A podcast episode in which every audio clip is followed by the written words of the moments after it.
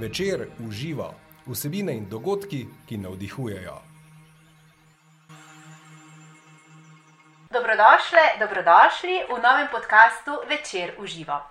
Z novo vsebino in novo sogovornico v lepem, navdihujočem druženju.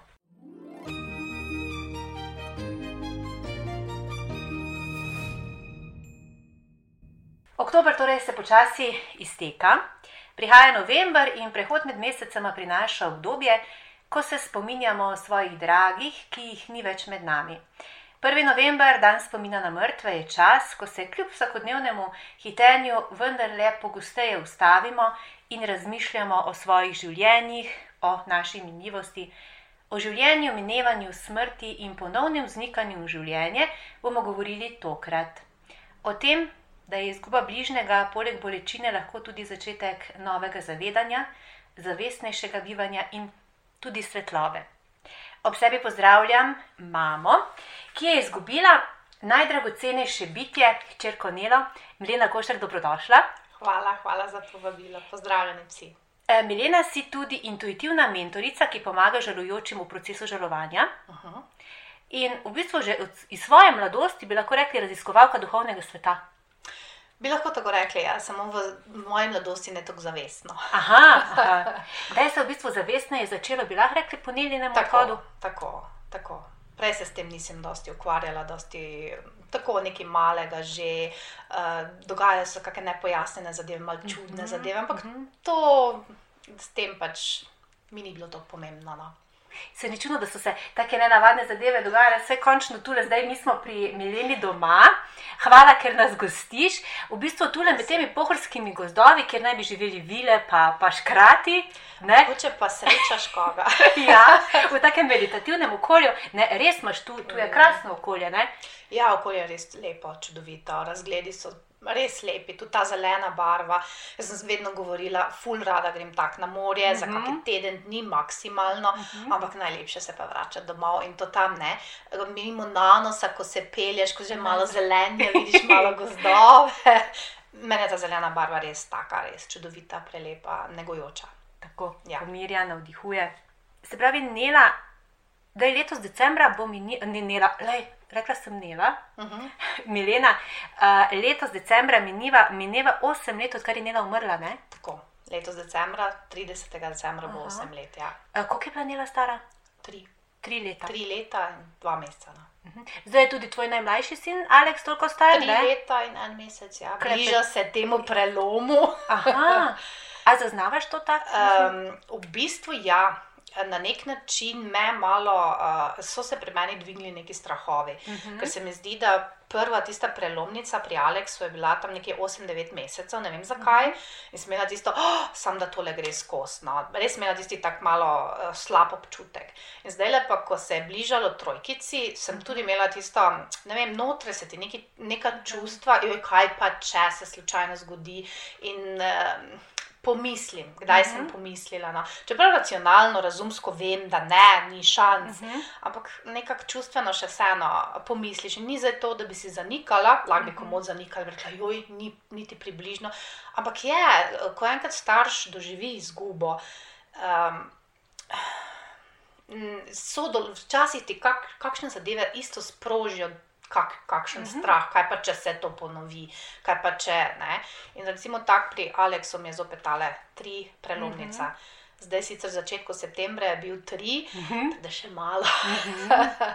po novem letu bom si Si oddahnila. boš oddahnila. Ampak, Milena, pomembno je, ti tako lepo to poveš. To je popolnoma naravno, je tako. Tako, to je popolnoma naravno, ni potrebe, da zanikamo svoje čustva. In tudi boljše je, da jih daš ven, da rečeš, da poveš, ker je lažje, ker v bistvu takrat se ne bildajo, takrat se ne kopičijo, takrat se ne širijo. Ker strah v osnovi ni nič drugega kot v bistvu nekaj, kar ti ne razumeš, oziroma ne veš, kaj se bo zgodilo. To je strah. Ko ti enkrat veš za neki izhod ali pa veš, kaj se lahko zgodi, s tem se lahko soočaš. Z nepojasnjenimi zadevami se pa ne moreš soočati, če niti ne veš, kaj to je. In zato, ko rečeš, da strah me je, v meni so takšna čustva, se lahko takrat z njimi ukvarjaš. In izvenijo, sama uh -huh. po mhm. sebi izvenijo. Zato pravim, ja, me je kdaj, ampak to ni, da bi vsak dan čutila. Ne vem, zgodilo se je enkrat in sem se potem z možem pogovarjala, da ti tudi kaj pomisliš. Uh mhm. -huh. in je bilo to, to in je v redu. In dokler je zdrav, normalno uh -huh. ne pomisliš. Ne? Tako da je potrebno se s čustvi ukvarjati. Dovoliti si jih. Točno to. In se ti zdi, meni se vse zdi, da, kako bom rekla. Uh, družbe, družba smrt uh, dojema tako zelo, predvsem v smislu, uh, da so čustva ja dovoljena do neke mere, ne preveč, tudi zapovedovali nam naj bi, kako naj bi se žalovalo, mm, ja. tudi ne predolgo, pa veš, da res ni vse, mislim pa to ne moreš. A je to sploh kako pravilo? Oziroma, kak se ti zdi, da družba nas duši, ali nam preveč narekuje, kako žalovati? Um, ti si šla neko čisto svojo pot, ti si si dovolila. Ja slediti. Družba dejansko se sploh ne zna s tem spopadati. Ne zna. Ne. Bom rekla, kar se odriva. Ne? Ne, ne sem da odriva, niti noče videti, v bistvu je en velik zid zgrajen. In recimo, ko sem jaz se soočala z izgubo Nele, uh -huh. uh, sem se počutila, kot da sem trojno kaznovana. Prvič, ker sem pač izgubila hčerko, uh -huh. drugič, ker sem se počutila tako zelo osamljeno, izolirano, označeno, v bistvu kužno na nek način. Ja, v bistvu ja, ker. Um, ljudje, ki so me videli, uh -huh. pa, mhm. vem, znanci, kakorkoli, ki so vedeli, da sem pač jaz izgubila otroka, so zmrznili, niso se znali ne obnašati, niso se znali ne pristopiti, uh, pa jih ne obsojam, ker ne, ne zaradi tega, ker bi bili vem, grdi, hinavski ali kakorkoli že, ampak preprosto nas družba tega ne nauči. Uh -huh ne kako se obnašati, kaj lahko, kaj ne, uh, kaj potrebuje žalojoče, kaj potrebuje nekdo, ki je v stiski, ali pa kaj potrebuje nekdo, ki doživlja ta proces žalovanja. In je v bistvu čisto preprosto, potrebujemo razumevanje in sprejemanje. Tako pa smo v bistvu dvojno kaznovani. In potem še tista tretja kazen, da ko pa pozdraviš, ali pa ko si nekaj želiš pozdraviti svojo rano, pa naletiš na tisto prepričanja, uh mhm. -huh. ki so globoko vstajena v našo družbo. In recimo za izgubo smrti otroka je eno tako prepričanje. Da se ne zdravo pozdraviti. To je, to je izguba, to je bolečina, ki te spremlja večno do konca življenja. In to ni res. In jaz, to je tisto moje poslanstvo, ki hočem to spremeniti. Ker imam vso pravico, ne samo pravico, dožnost naša je, da si dovolimo pozdraviti svojo rano. In to je bilo tudi eno zelo, zelo močno sporočilo od moje nele, ne, ne. ki ga takoj takrat nisem razumela, kaj mhm. hoče s tem povedati. Um, In šele kasneje sem potem razumela, da je najboljša mama na svetu, si, če si dovoliš pozdraviti svojo rano in ne živiš naprej, kot gremo dalje, moraš iti dalje, ampak da si resnično v bistvu, v mhm. srčju, globoko, globoko, globoko dovoliš pozdraviti svojo rano. In s tem dejansko ohraniš živ odnos z otrokom, ki je umrl drugače odnos v času. Uh mhm. -huh. In to je potem tisto, ko rečeš, da držiš nazaj ja. otroka ali ja. držiš ja. nekoga, ki je umrl nazaj, spusti ga. Uh mhm. -huh. Ampak spusti ga ne pomeni, da ga odrežeš, da pozabiš, tako, da nasilno nekaj delaš naprej. Spusti ga dejansko pomeni, da razviješ z njim odnos naprej. In kakšen je ta odnos? Drugačen. In tega nas družba ne, mislim, tega nas družba ne uči, niti tudi sama, uh mhm. -huh. predtem, jaz bi isto reagirala. Uh mhm. -huh. Isto nisem vedela, kako pristopiti k nekomu, ki, je, ki žaluje, nisem vedela, ne kaj doživlja, ne kaj se dogaja, ne kako pristopiti, kako se obnašati. Ali pa nekdo, ki ima zelo, zelo bolanega otroka. Uh -huh. Ali je prav, da govoriš o tem, ali ni prav, da govoriš o tem. Moje vodilo je, vprašajte. Mhm, Neželujočega, oziroma. Glej, iskreno, uh -huh, iz mhm, srca. Uh -huh. Ne vem, draga sestra, dragi brat, dragi partner, kdorkoli, draga mama, jaz sem tu, ali pa prijateljica, glej, jaz vem, ne znam si predstavljati, kaj preživljaš, ampak tu sem. Tudi če boš tulila na mene, tudi če boš hotla govoriti o svojem otroku, karkoli, jaz uh -huh. sem mhm. tu, povej mi, kaj rabiš. Drugače bom pa samo tu, ob tebi, uh -huh. pa je to dovolj, tisto sprejemanje.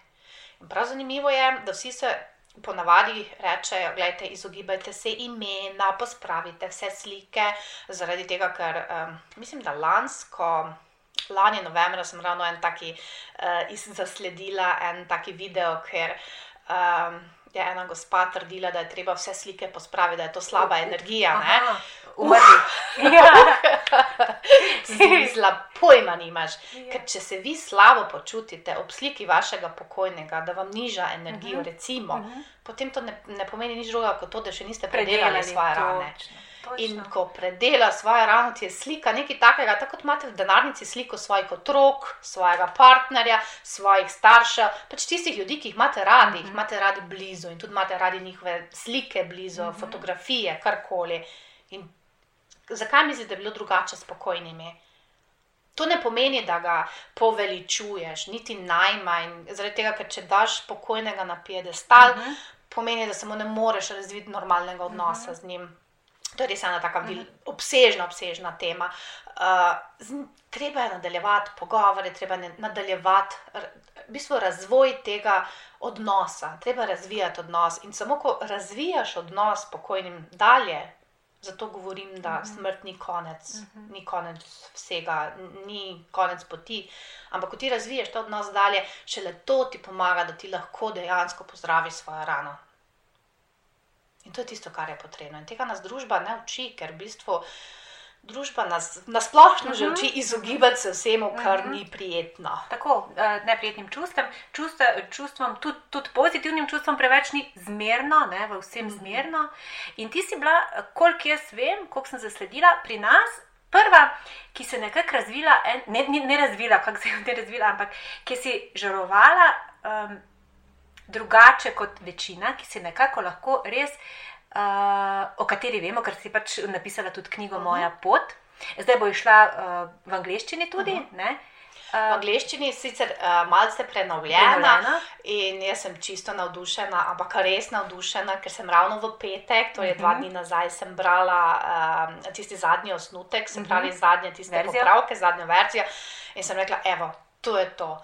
To bi jaz rabila takrat, ko sem šla čez svoj Ja. proces, že to sem rabila. Ja. Pa ne zato, da hvalim res svojo Mhm. knjigo, ampak zaradi tega, ker je v bistvu moja izkušnja, ker sem Ja. hlepela potem, da mi nekdo Mhm. pove, kako je, če je to v redu, kako se počutim, kako se počutiš, a, a je to normalno ali to ni normalno. Potem so noter moje pogovori z Nelo, se pravi Mhm. komunikacija z, um, z umrlimi, ki, ki je nekaj zopet čisto, čisto naravnega in nima veze z vero, nima veze z vašimi prepričanji, ampak to preprosto je. Mhm. In moram povedati, da to doživlja okrog 70-80% ljudi, ki se soočajo uh Mhm. -huh. z izgubo svojega bližnjega, samo o tem se Mhm. ne govori. Mhm. Tudi jaz sem mislila, da sem že tam, za, Da, da se ti meša. da ne, se mi tako- meša, tako da sem na rekli poti večina na bo- Mariborsko pohorje. Recimo, recimo. Recimo, ne, ampak sem zaupala toliko Ja. ja. potem sebi, pa svoji intuiciji, ja. pa vsemu temu. Ne.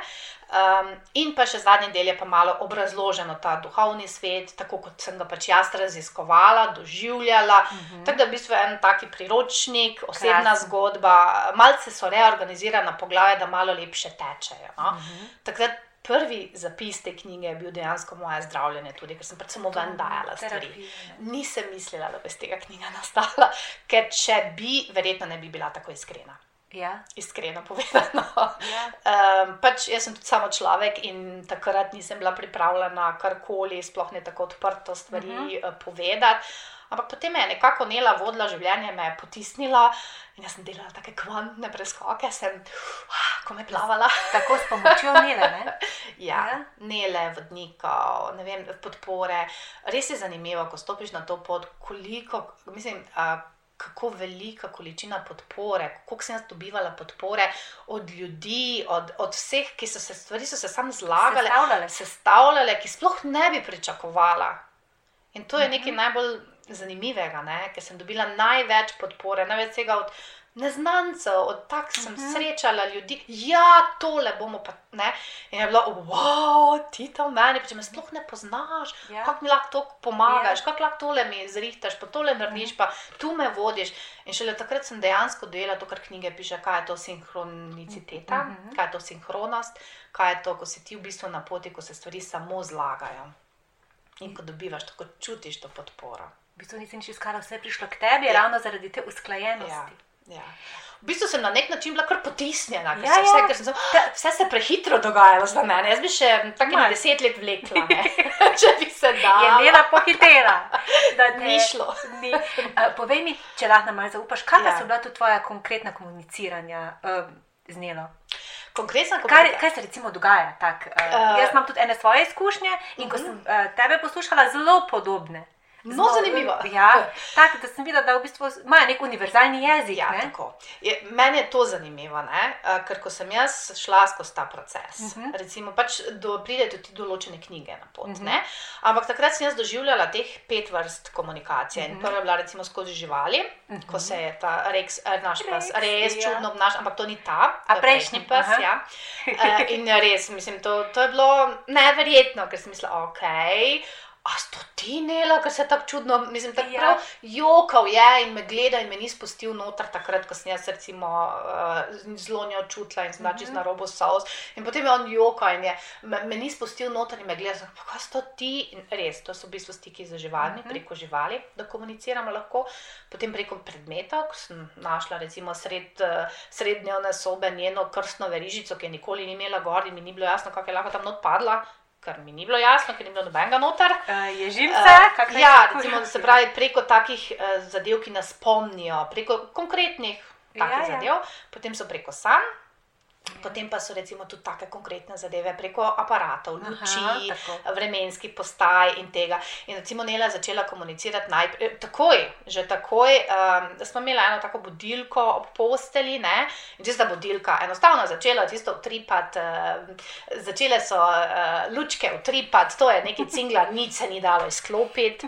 Potem sem vzela ven baterijo, dala nove, smisla pa nekaj, verjetno se kaj pokvarilo, ne? tisto nič ni delalo, vse je kar utripalo sem vrgla v koš. Smisla, ok, to se je pokvarilo. Ne? S tem, da mi je tudi zapestna ura se ustavila, recimo je nehala delati, od takrat jih pač nimam več zapestnih ur, ker brez veze, če se mi ustavijo.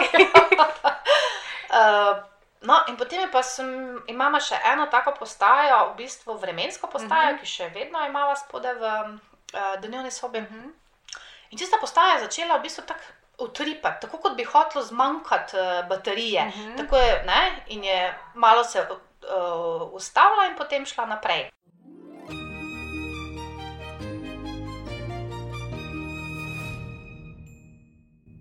Se pravi, Nela je s teboj komunicirala, kako smo rekli, preko elektronskih naprav, živali. Ja, ne? ja. In recimo teh preko elektronskih naprav je bilo zelo zanimivo, ta potem vremenska postaja.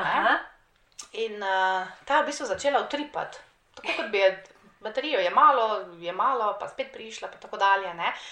In potem sem jaz nekako mi je kliknila, a ne, a sto ti, ne? če sto ti, da je dvakrat utripni, enkrat ne, ali je bilo obratno, ne spomnim se več. Glavnem, imeli smo potem dogovor, dvakrat ja, če je dvakrat utripnila, je to ja, če enkrat ne, ali pa obratno. Glej, zdaj ne vem na to natančno več.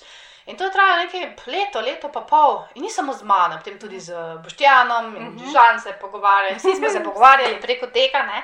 In ona je na, ta način komunicirala. Ne? In je bilo prav zanimivo, ne la si ti in odgovoril ja. Ja. Je bilo wow. Tako da to so bile pa tako čisto konkretne. Plus tega, da se je recimo dogajalo, ne vem, ko sem se vozila na avtocesti, sem imela zelo tak občutek, da sedi zraven mene v avtu in smo se pogovarjali. In jaz sem začela tem občutkom počasi tudi zaupati. Ne. In take, čist take konkretne zadeve, nekonkretne zadeve tudi, ker potem, veš, tisto, kar je konkretno, ni problem, ker je fizično, Mhm. ker Ja, vidiš, ja, pa recimo tako, se je luč jasno, ugaša. ja. Ampak enkrat se je televizija prižgala, Baby on board, otrok na poti. Um, po, kaj že je, oni, um, pilot je bil izven dosega moje roke, Roke. televizija se pa prižge in se naredi izpis, otrok na poti, film. Tako smo oba gledala, takrat z možem, odkot, kako, zakaj. Ampak to so bile take res konkretne zadeve. Problem je, ker ljudje doživljajo tudi manj konkretne zadeve in si potem niso ne sigurni, zaupajo. ne, ja. Tako in si ne zaupajo in ne vedo, zakaj se to dogaja, kako to, kaj pomeni, kaj pa če si samo zmišljujejo. In jaz govorim, sploh ni pomembno, važno je, kaj vi čutite. Resnično je važno, zaupajte si. Pa če ste zaradi tega zmešani, bodite zmešani, kaj potem, itak že imate vso pravico, se želujete.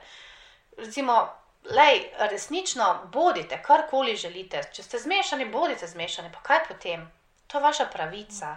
da greste skozi proces tako, kot vam paše. Ne. Ne tako, kot so neka napisana pravila. Kot norme zahtevajo družbe. Ne? Tako.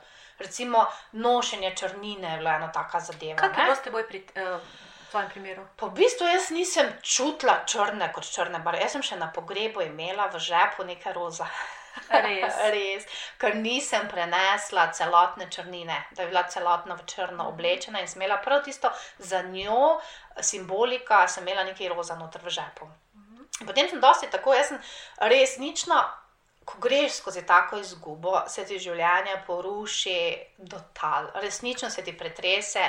Do osnove, ne? Nič, do osnove. Predstavljate si, da gradite hišo, nič ne ostane, niti temelji ne ostane, še najmanj temelji, vse gre, vse se poruši.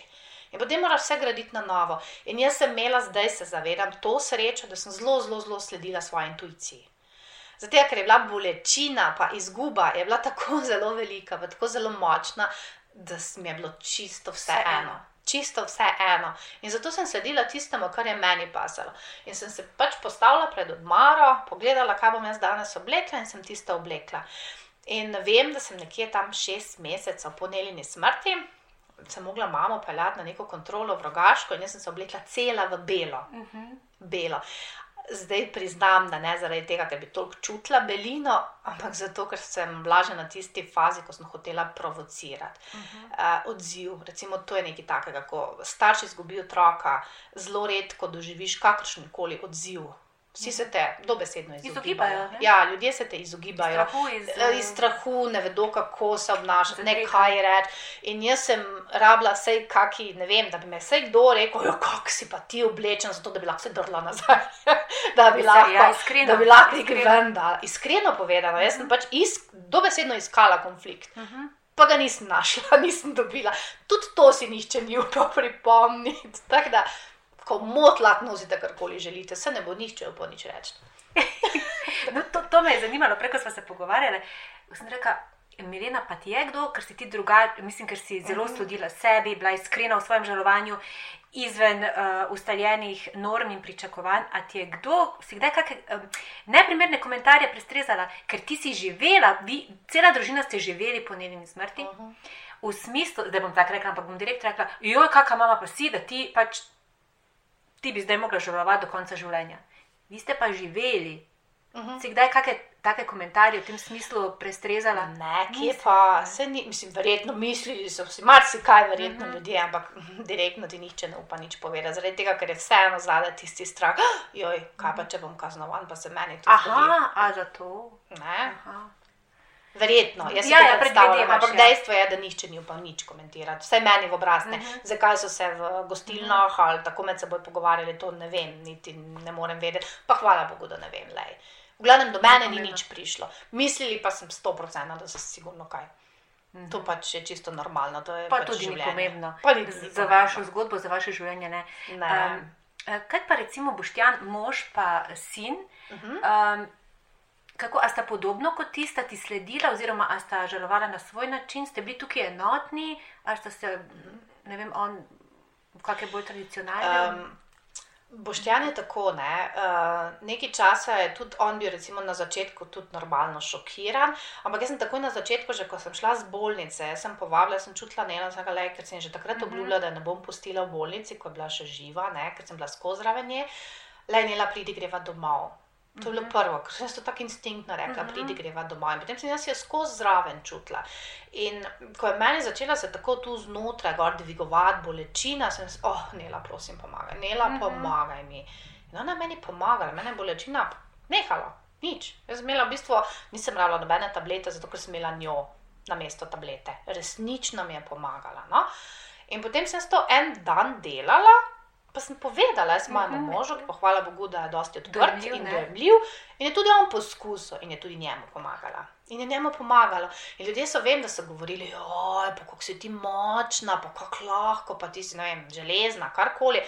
Nisem, jaz sem samo nelo imela, jaz sem samo njo uporabljala, jaz sem imela boljše kot tableto. Ona je meni dejansko pomagala vsakič, ko, je me, ko sem začutila tisto močno bolečino, da se prav tu spodaj se začne dvigovati gor in to je neznosna bolečina, če ji dovoliš. Ampak če čisto na začetku zaprosiš, le obdala me s to energijo in jaz, jaz nisem čutila več bolečine. Ja, sem jokala, sem uh -huh. procesirala, ampak na drugačen način. Ne s tisto močno bolečino, kot dobesedno trga telo, uh -huh. o čem tudi ljudje poročajo. To uh -huh. sem samo enkrat doživela. In to samo enkrat, ko sem pomislila, kaj pa če smrt je konec. Uh -huh. In uh, vem, kaj ljudje doživljajo, tega ne bi želela doživljati. Uh -huh. Resnično, ne, je, ne, ne da se opisati uh -huh. z besedami, res. Ti veš, da ni konec. Ne, ne jaz vem, da ni konec. In vi ste v bistvu, da bi rekli, znela in ti vi ste kolektivno, vi ste sodelovali v želovanju. Ja, ja. In, uh, jaz imam, recimo, žanje zelo intuitivno ja. otrok. Zelo pameten, tudi zelo yeah. Ja. mentalen, intuitiven, mhm. -huh. mislim, zlati otrok. In on je tudi v bistvu uh, zelo doživljal to izgubo, ker je bila z njela povezana. Uh -huh. Jaz sem mhm. mogla tudi gledati na njega, paziti na njega. In vem, da je bila moja prva misel tudi, nočem biti tista mama, ki je samo na pol živa. Jaz hočem biti živa mama za njega. Ja, tako. Um, meni je bilo tako zelo hudo, ker jaz imam oba otroka, oba otroka sem imela tako zelo rada, in Nelo, in Žana. In ne morem. In hkrati sem bila v zavedanju, da sem vedela, da tudi Žan gre skozi svoj mhm. proces, ki mu ni lahko. Tudi on je, tako kot si rekla, žaloval in njemu ni bilo lahko. In on ni mogel, plus tega, da je predeloval svojo bolečino, še paziti, v bistvu izgubiti, kaj še imamo, pa očeta. Njemu se je porušil, ravno tako mhm. porušil svet. Recimo, on, predstavljate si šestletni otrok se mora soočati z uh mhm. -huh. smrtjo uh -huh. in, mora, in se mora soočati s tem, da lahko starši umrejo. Ne samo, da je izgubil, ja, ne, da mu lahko možnost, da, da lahko umrejo tudi ja. starši. Ker če je umrl eden, še lahko drugi. Uh -huh. A me razumeš? Uh mhm. -huh. In on je pri šestih letih to dojel. In to ni lahko dojeti za otroka, to, to za nobenega otroka ni lahko doživeti. Plus tega nisem želela, da se kadarkoli on počuti, da mora tekmovati s svojo mrtvo sestro. Ker če moraš ti tekmovati z nekom, ki je mrtev, v osnovi ne moreš tekmovati, v osnovi vedno zgubiš. Ni šans. Ne moreš. In tega mu nisem želela dati, da bo kadarkoli imel občutek, da mora za svojo pozornost, za to, da živi, za to, da je tekmovati svojo mrtvo sestro, pa se potrjevati v obstoju. In um, zato sem imela urnik, jaz predlagam, naredite si urnik žalovanja, da niste skozi potegnjeni v to. Uh -huh. um, V ta čustva, v vse, v vso, vso to, v vse ta proces, da si naredite urnik. Jaz sem imela dopoldan, ko je bil žan v šoli, sem jaz procesirala sebe, svoje čustva, svoje čustva do nele, žalovala, tudi jokala, uh, tudi kaj naredila, kakorkoli. Uh, Popovdan pa je bil od Žana, ko je Žan prišel uh mhm. -huh. domov. To ne pomeni, da sem jaz eh, prikrivala svoje čustva, uh -huh. niti najmanj. Ampak takrat pač nisem šla v to, ko, me, ko sem čutila bolečino, ne bom se zvečer Tako. ali pa jutri se spet na vrsti. Jutri se bom s tem ukvarjala. Ne da pozabiš, ne da daš stran, ampak da si narediš urnik. Jutri je to na vrsti, zdaj je žan. In sem tudi povedala, ja, gledaj, veš, da sem, ne, vse vidi, se me videl, uh -huh. kakšen sem, se in otroci niso nori. Ampak jaz sem iskrena bila z njim in otroci niso nikoli premladi, da bi bili vi iskreni z njimi. To, to. Pa to sem te hotela tudi vprašati. Ne, zelo lepo tu uh, opisuješ uh, vajen odnos z žanom v procesu žalovanja in tudi njegovo zrelost. Uh mhm. -huh. Večina pa podcenjuje, se otrok tako ne razume. Ne, ne, ne, ne, to pa je tako velika zmota. Otroci več razumejo, kot mi mislimo, da razumejo. Ampak treba pa povedati otroku primerno, uh -huh. na mhm. primeren način. Ne morete vi povedati triletnemu otroku enako, kot bi povedali osemnajstletniku. To je logično. Ampak iskreno, vedno iskreno in na njegov način, da bo razumel. To je pa bistvo, to je zelo, zelo pomembno. In da ste tudi iskreni, da ja, da žalujete, da pogrešate svojega otroka, itak da ga, da vam je hudo, ampak da imate njega tudi radi in da enkrat boste že prišli iz tega ven, da časi pa želite, ne vem, da on v redu živi, da on svobodno živi, da se on veseli. Ker to je bil problem, recimo prvo leto, ko smo šli na morje, mhm. tisto poletje. Eh, ko je Žan prišel z vode in se ni želel več igrati, jaz sem jih pet minut prej sama začutila nelo, prav čutila sem jo v svojem, tako zraven mene, pa veste, če je popiha, čez pet minut pa pride Žan iz vode, ker je isto začutil. In uh, se ni hotel več igrati, ni hotel mm -hmm. več vodo, in sem vedela, zakaj se gre. Ne? In takrat smo lepo razložili, da je vse je v redu, ti si lahko vesel, lahko uživaš v vodi. Ker če si vesel, bo nela sem zraven, če fotala, bo uživala zraven tebe. A veš, kako bo vesela, ko boš ti vesel. yeah. Ja. Lahko si žalosten tudi, če hočeš biti mm -hmm. žalosten. Povej, pa je pokliči, pa ti bo pomagala. Mm -hmm. In tako sta ona dva v bistvu razvila odnos. In tudi ona dva peljeta svoj odnos, zdaj, ko je 14-letnik, čist na svoj način, ampak skozi na svoj način. Jaz uh -huh. te pravice nisem vzela. Uh -huh. ni bila ekskluziva samo moja. In prav je, da vsi nas, vsak na svoj način gradi svoj odnos naprej. Da ne vzamem, a veš, nisem vzela Mhm. ekskluzivne pravice, da bom jaz diktirala, kako mora biti Tako. zdaj za njega. Tako. Sem pa bila v podporo, smo se pa pogovarjala. Pri nas Nela nikoli ni bila tabu tema. Mhm. Vedno smo se pogovarjali, kaj čutiš, se pogovarja z njo, ti pomaga, uh, ali jo kaj pogrešaš, kako si. Ne vem, pač vse. Mi smo se vedno pogovarjali, pa smo videli slikico. Pa potem, ko sem že prišla do jeze, ker od začetka si jaz jeze do nje nisem dovolila. Ampak, ko pa je prišla ven, ne, potem pa sem se začela že hecati, ko sem videla, da v bistvu jeza sploh nima veze z njo, da, nje, da se v bistvu sploh ne tiče nje, ampak mene in je to moje čustvo, ki ga moram sprocesirati. Čeprav se žalujoči zelo, zelo bojijo jeze in to je najtežje in najbolj obremenjujoče čustvo. Ampak je naravno, pride takrat. Ampak ven. je naravno, pride ven. Tako. Pride ven in uh, problem je v tem, da ko pride ven, se potem začne obsojati, da zdaj pa čutim jezo. Mislim, a res, kako lahko jaz sem jezna na mojo triletno punco, ki je tam trpela, nič ni kriva, zdaj pa sem še jaz jezna na njo. Halo, kakšna mama te sem? Za nič na celi črti. Ja.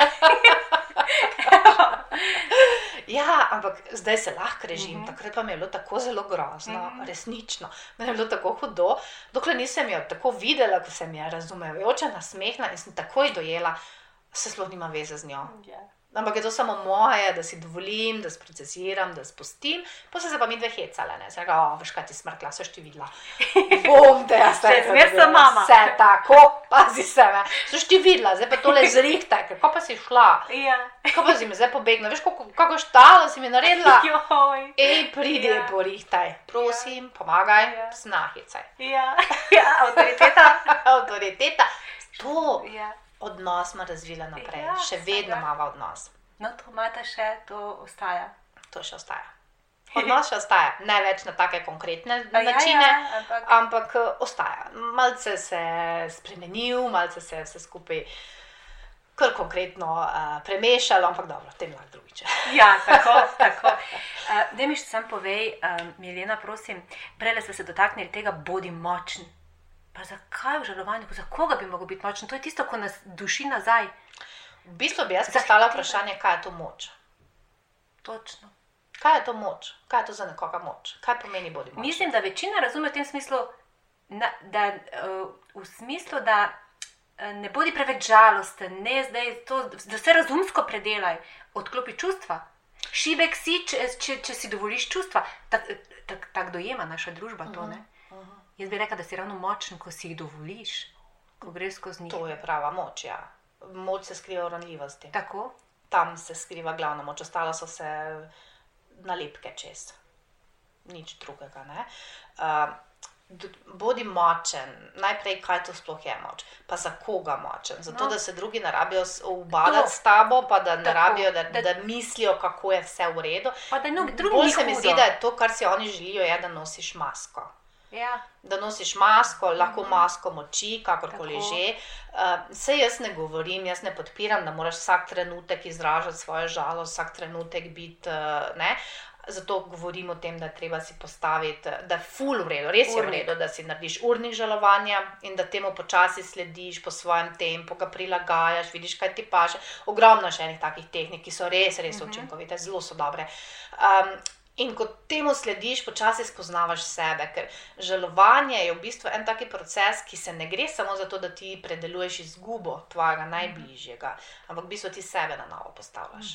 In ti um, postaviš sebe, kdo si, kaj si, kaj želiš, kaj si v odnosu do drugih, vse se na novo postavlja. Kot sem že prej rekla, nekaj takega, taka izkušnja ti podere temelje. Hiša se zruši, temelji se izruvajo in moraš vse graditi na novo. Zato partnerski odnosi večinoma veliko krat razpadajo, ali kakšni drugi odnosi razpadajo, kar je čisto normalen proces, ker v bistvu vsak hoče nekaj, nekaj zase, hoče ne, in potem vleče in ne gre. In ne gre, ker ne prideš več skupaj. Zato je zelo, zelo dobro, da si prisluhneš, greš po teh, ful dobro, če se kakšne tehnike in da greš skozi ta proces, da si dovoliš ta čustva, da si dovoliš pozdraviti svoje rano. Šele potem lahko živiš svoje življenje. ker drugače je to samo ena velika maska. Pa brez odvečnih, uh, mislim, brez balasta. Brez Odpade balast, ne? enkrat, ko, živ, ko te smrt uh, oziroma izguba pretrese, ko se reka, še, še nižje od temeljev, ko gradiš na novo, takrat balast v življenju odpade. Ne? Ja, v bistvu takrat, uh, takrat niti nimaš moči za koga drugega, kot samo še za tisto, kar si. Ker v bistvu ti je napor že, eh, ne vem, običajno že iti na vece, se stuširati je lahko že napor. Vsak korak, take banalne stvari, na začetku so te take banalne stvari, take, to, kar ljudje jemljejo za samoumevno, Samoumevno, je nekomu, ki je recimo še čisto sveže, ki izgubi svojega otroka ali pa nekoga, ki mu je res zelo blizu, tako velik napor, da se to drugi nikoli ti predstavljati Mhm. ne morejo. Seveda. In se mi zdi to, oh, ne, pa ja, to pa ja, ne, Tudi, moraš biti močen. tako, tako, brez veze tudi razlagati. Mislim, nis, nima smisla. Ne? Jaz mislim, da prava moč se skriva v tem, da Ranljivost, slediš mislim, sebi tako. in da si ranljiv. Ker takrat te nihče ne more več prizadeti, če si že ti čisto ranljiv. In to sem tudi potrebovala, ne? dve, tri leta, da sem ugotovila. Uh, Milena, kak imaš pa ti zdaj odnos do 1. novembra? Ne vem, kak si prej imela, to kot bolj neko, eh, nek, mm, bolj kot srečanje, ne vem, družinskih članov, običajno, ne, družin, bolj kot nek obred ali pa neko druženje ali ceremonija. Imaš zdaj kaj drugačen odnos do tega praznika? Pravzaprav je zanimivo. Prej sem imela bolj tisto 1. november, je čas dan spomina na mrtve. Ja. ne? Zdaj pa tega nimam več. Meni je Ja. 1. november, um, ne bom rekla, nič kaj prav preveč poseben dan. Uh -huh. Zaradi tega, ker jaz imam vsak, vsak dan, uh, ne bom rekla spomin na mrtve, ne? ampak živim s tem in jaz nimam občutka, da moram imeti en dan v letu, kjer se lahko spomnim ali pa se moram spomniti na nekoga. moraš spomniti, ja. Ja, grem, prižgem svečko, uredimo grobove, vse, pač to je tradicija. Ampak to je ključ, to je tradicija, ne tisto, Ja. kar bi jaz rekla, da imam potrebo po tem. Mhm. A veš, a me razumeš. Prvi november, recimo, ker zraven 1. novembra Nela je bila rojena 28. oktobra, to so Mhm, čisto blizu. blizu, ja. ja, to je čisto blizu. 1. novembra mislim, da smo domov z bolnice prišli. Joj. Ali pa zadnjega Tri oktobra. ja, Ja, ja. ja nekaj takega. No? In, uh, in tudi tu nimam prav posebnih nekih, uh, da bi zdaj mogla imeti, ne vem, karkoli. Ker jaz s tem živim vsak dan, mi dve živiva. Jaz imam, ne, ne vem, tako kot bi rekli, zdaj imate pa otroka zraven sebe, zdaj imate pa en dan, ko se lahko spomnite na njega, kot kaj Mhm. posebnega. Ja, rojstni dan, da svečka, pa tortica, pa še to je bolj za otroka, ne Mhm. toliko za mame. Ne? Ali pa Ja. mogoče je za mame, ne vem, ampak a me razumeš, kaj Mhm. hočem povedati. V bistvu jaz živim celo leto, 12 mesecev, na tak način, kot živim. Za me je pač del življenja, to ne pomeni, da čisto vsak dan, dan joj, nela, kako si. Kako... Ne, pač mhm. grem po, oh, kako si, kako misliš, da je pomagaj mi tole, kaj delaš. Tako čisto spontano, ko je, je, ko ni, ni. Ne rabim pa enega dneva v letu, da bi rekla, tako zdaj pa si jaz dovolim, da lahko jočem, da lahko Mhm. žalujem. Ne, ker to sem da, predelala. Mhm. Mi dve sva tam, kjer sva, mi dve imamo tako odnos, kot ga imamo. In se mi zdi, ne vem, tako da bi zdaj z žalom si določila en dan, pa bi rekla, tako zdaj danes se pa lahko mi dva skupaj očema. Ja, zakaj le? če pa imamo svoj odnos, če ga živiva. Res pa je, da na začetku je to zelo težko sprejeti, ker je v bistvu ni več čistega fizičnega odnosa na fizični ravni. In to je tisti proces, ki ga moraš dati skozi. Milena, zdaj sicer zelo lepe stvari smo nanizale, um, pa mogoče zdaj za konec uh, našega klepeta, ker klepetamo in Nela in ti in jaz, moram reči v množini. Ja, Mi povejta, um, kaj mogoče želujočim, kaj, kaj, nam reka svetovali, kaj bi jim položili ali pa na srce, ali čist na kratko, neko ne vem, da strneš, strneta neko misel, neko priporočilo ali kaj naj rečem, a je možno. O seveda. No, daj, daj ta. polne, polne vsega. Um, prva stvar, ki je, žel, ki, ki je tako, pač zdaj le mi je prišlo na misel, da se ljudje premalo zavedamo. Ko se soočamo z izgubo, ali ta izguba, ali ta smrt bližnjega, uh, ta odnos, se pravi ta bližina, ali bomo naredili zid, se pravi, ali bomo naredili neprebojni zid in bo vsak na svojem koncu zidu. Um, ali pa bomo pač to doživljali smrt kot neko tančico, uh, še vedno je bližina, še vedno je tu, uh, ostanejo čustva, to je definitivno treba iti skozi ta čustva. Um, Se pravi, od nas je odvisno, kako bomo to gledali. Ali bomo ustvarili zid, skozi katerega bo težko priti, in mi do tja, in oni do nas, se pravi ta komunikacija, mm -hmm. ali pa samo to čutenje bližine, ali pa bomo videli to kot tančico. In recimo 1. novembra, tu okrog, to moram priznati, okrog 1. novembra se te tančice zelo, zelo, zelo um, še stanjšajo. Mm -hmm. Lažje, še lažje je dostopati, ker je pač celotne energije se tako nakupičijo. Um, od nas je odvisno, kako bomo to dojemali. In jaz pač svetujem, če je možno, poskusite drugače. Pa gledate to kot eno tančico, ker lahko vi skozi dostopate do svojega bližnjega na tak ali drugačen način, da se pogovarjate, da, se, um, da mu poveste, kaj čutite, da pišete, kaj čutite, da mu pišete dnevnik, pišite -hmm. pismo. Včasih ni bilo teh telefonov, pa telekomunikacije. In ko je nekdo šel, recimo, preko Atlantika v Ameriko, a veste, tri mesece je trajalo pismo, da je prišlo do njih, ampak ste napisali pismo in dobili potem tudi odgovor, in vedno boste dobili odgovor, tak ali drugačen. To je prva stvar. Druga pa je, dovolite si, dovolite si žalovanje, dovolite si čustva, dovolite si biti nori, dovolite si biti žalostni, dovolite si biti veseli, dovolite si biti karkoli je, tisto, kar vam ustreza.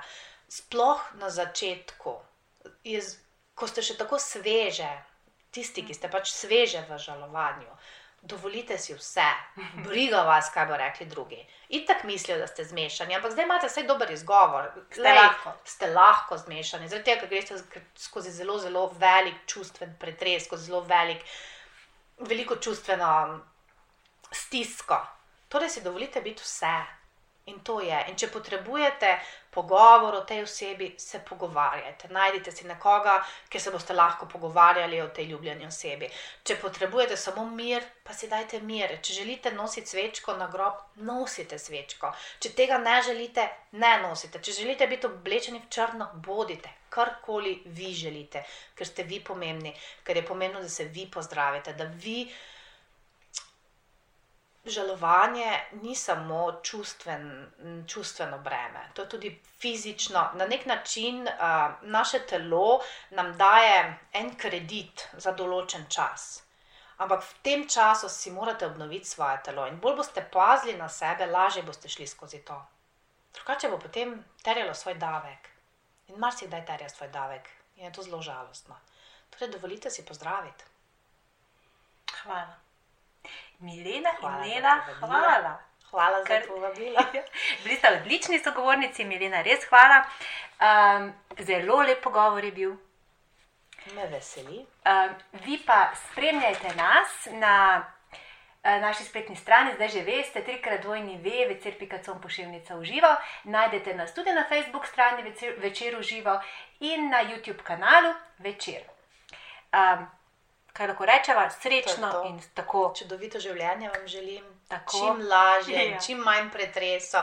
In čeprav vem, da skoraj ne mogoče, resnično ne želim nobenemu, da gre skozi ta proces žalovanja. Ampak ja. nekako, ko pa greste, pobudite čim bolj nežni do sebe. O, podčrtano. Podčrtano. Hvala. Tako. Hvala. Z vami sem bila Maja Furman, srečno in srčno, dok malo.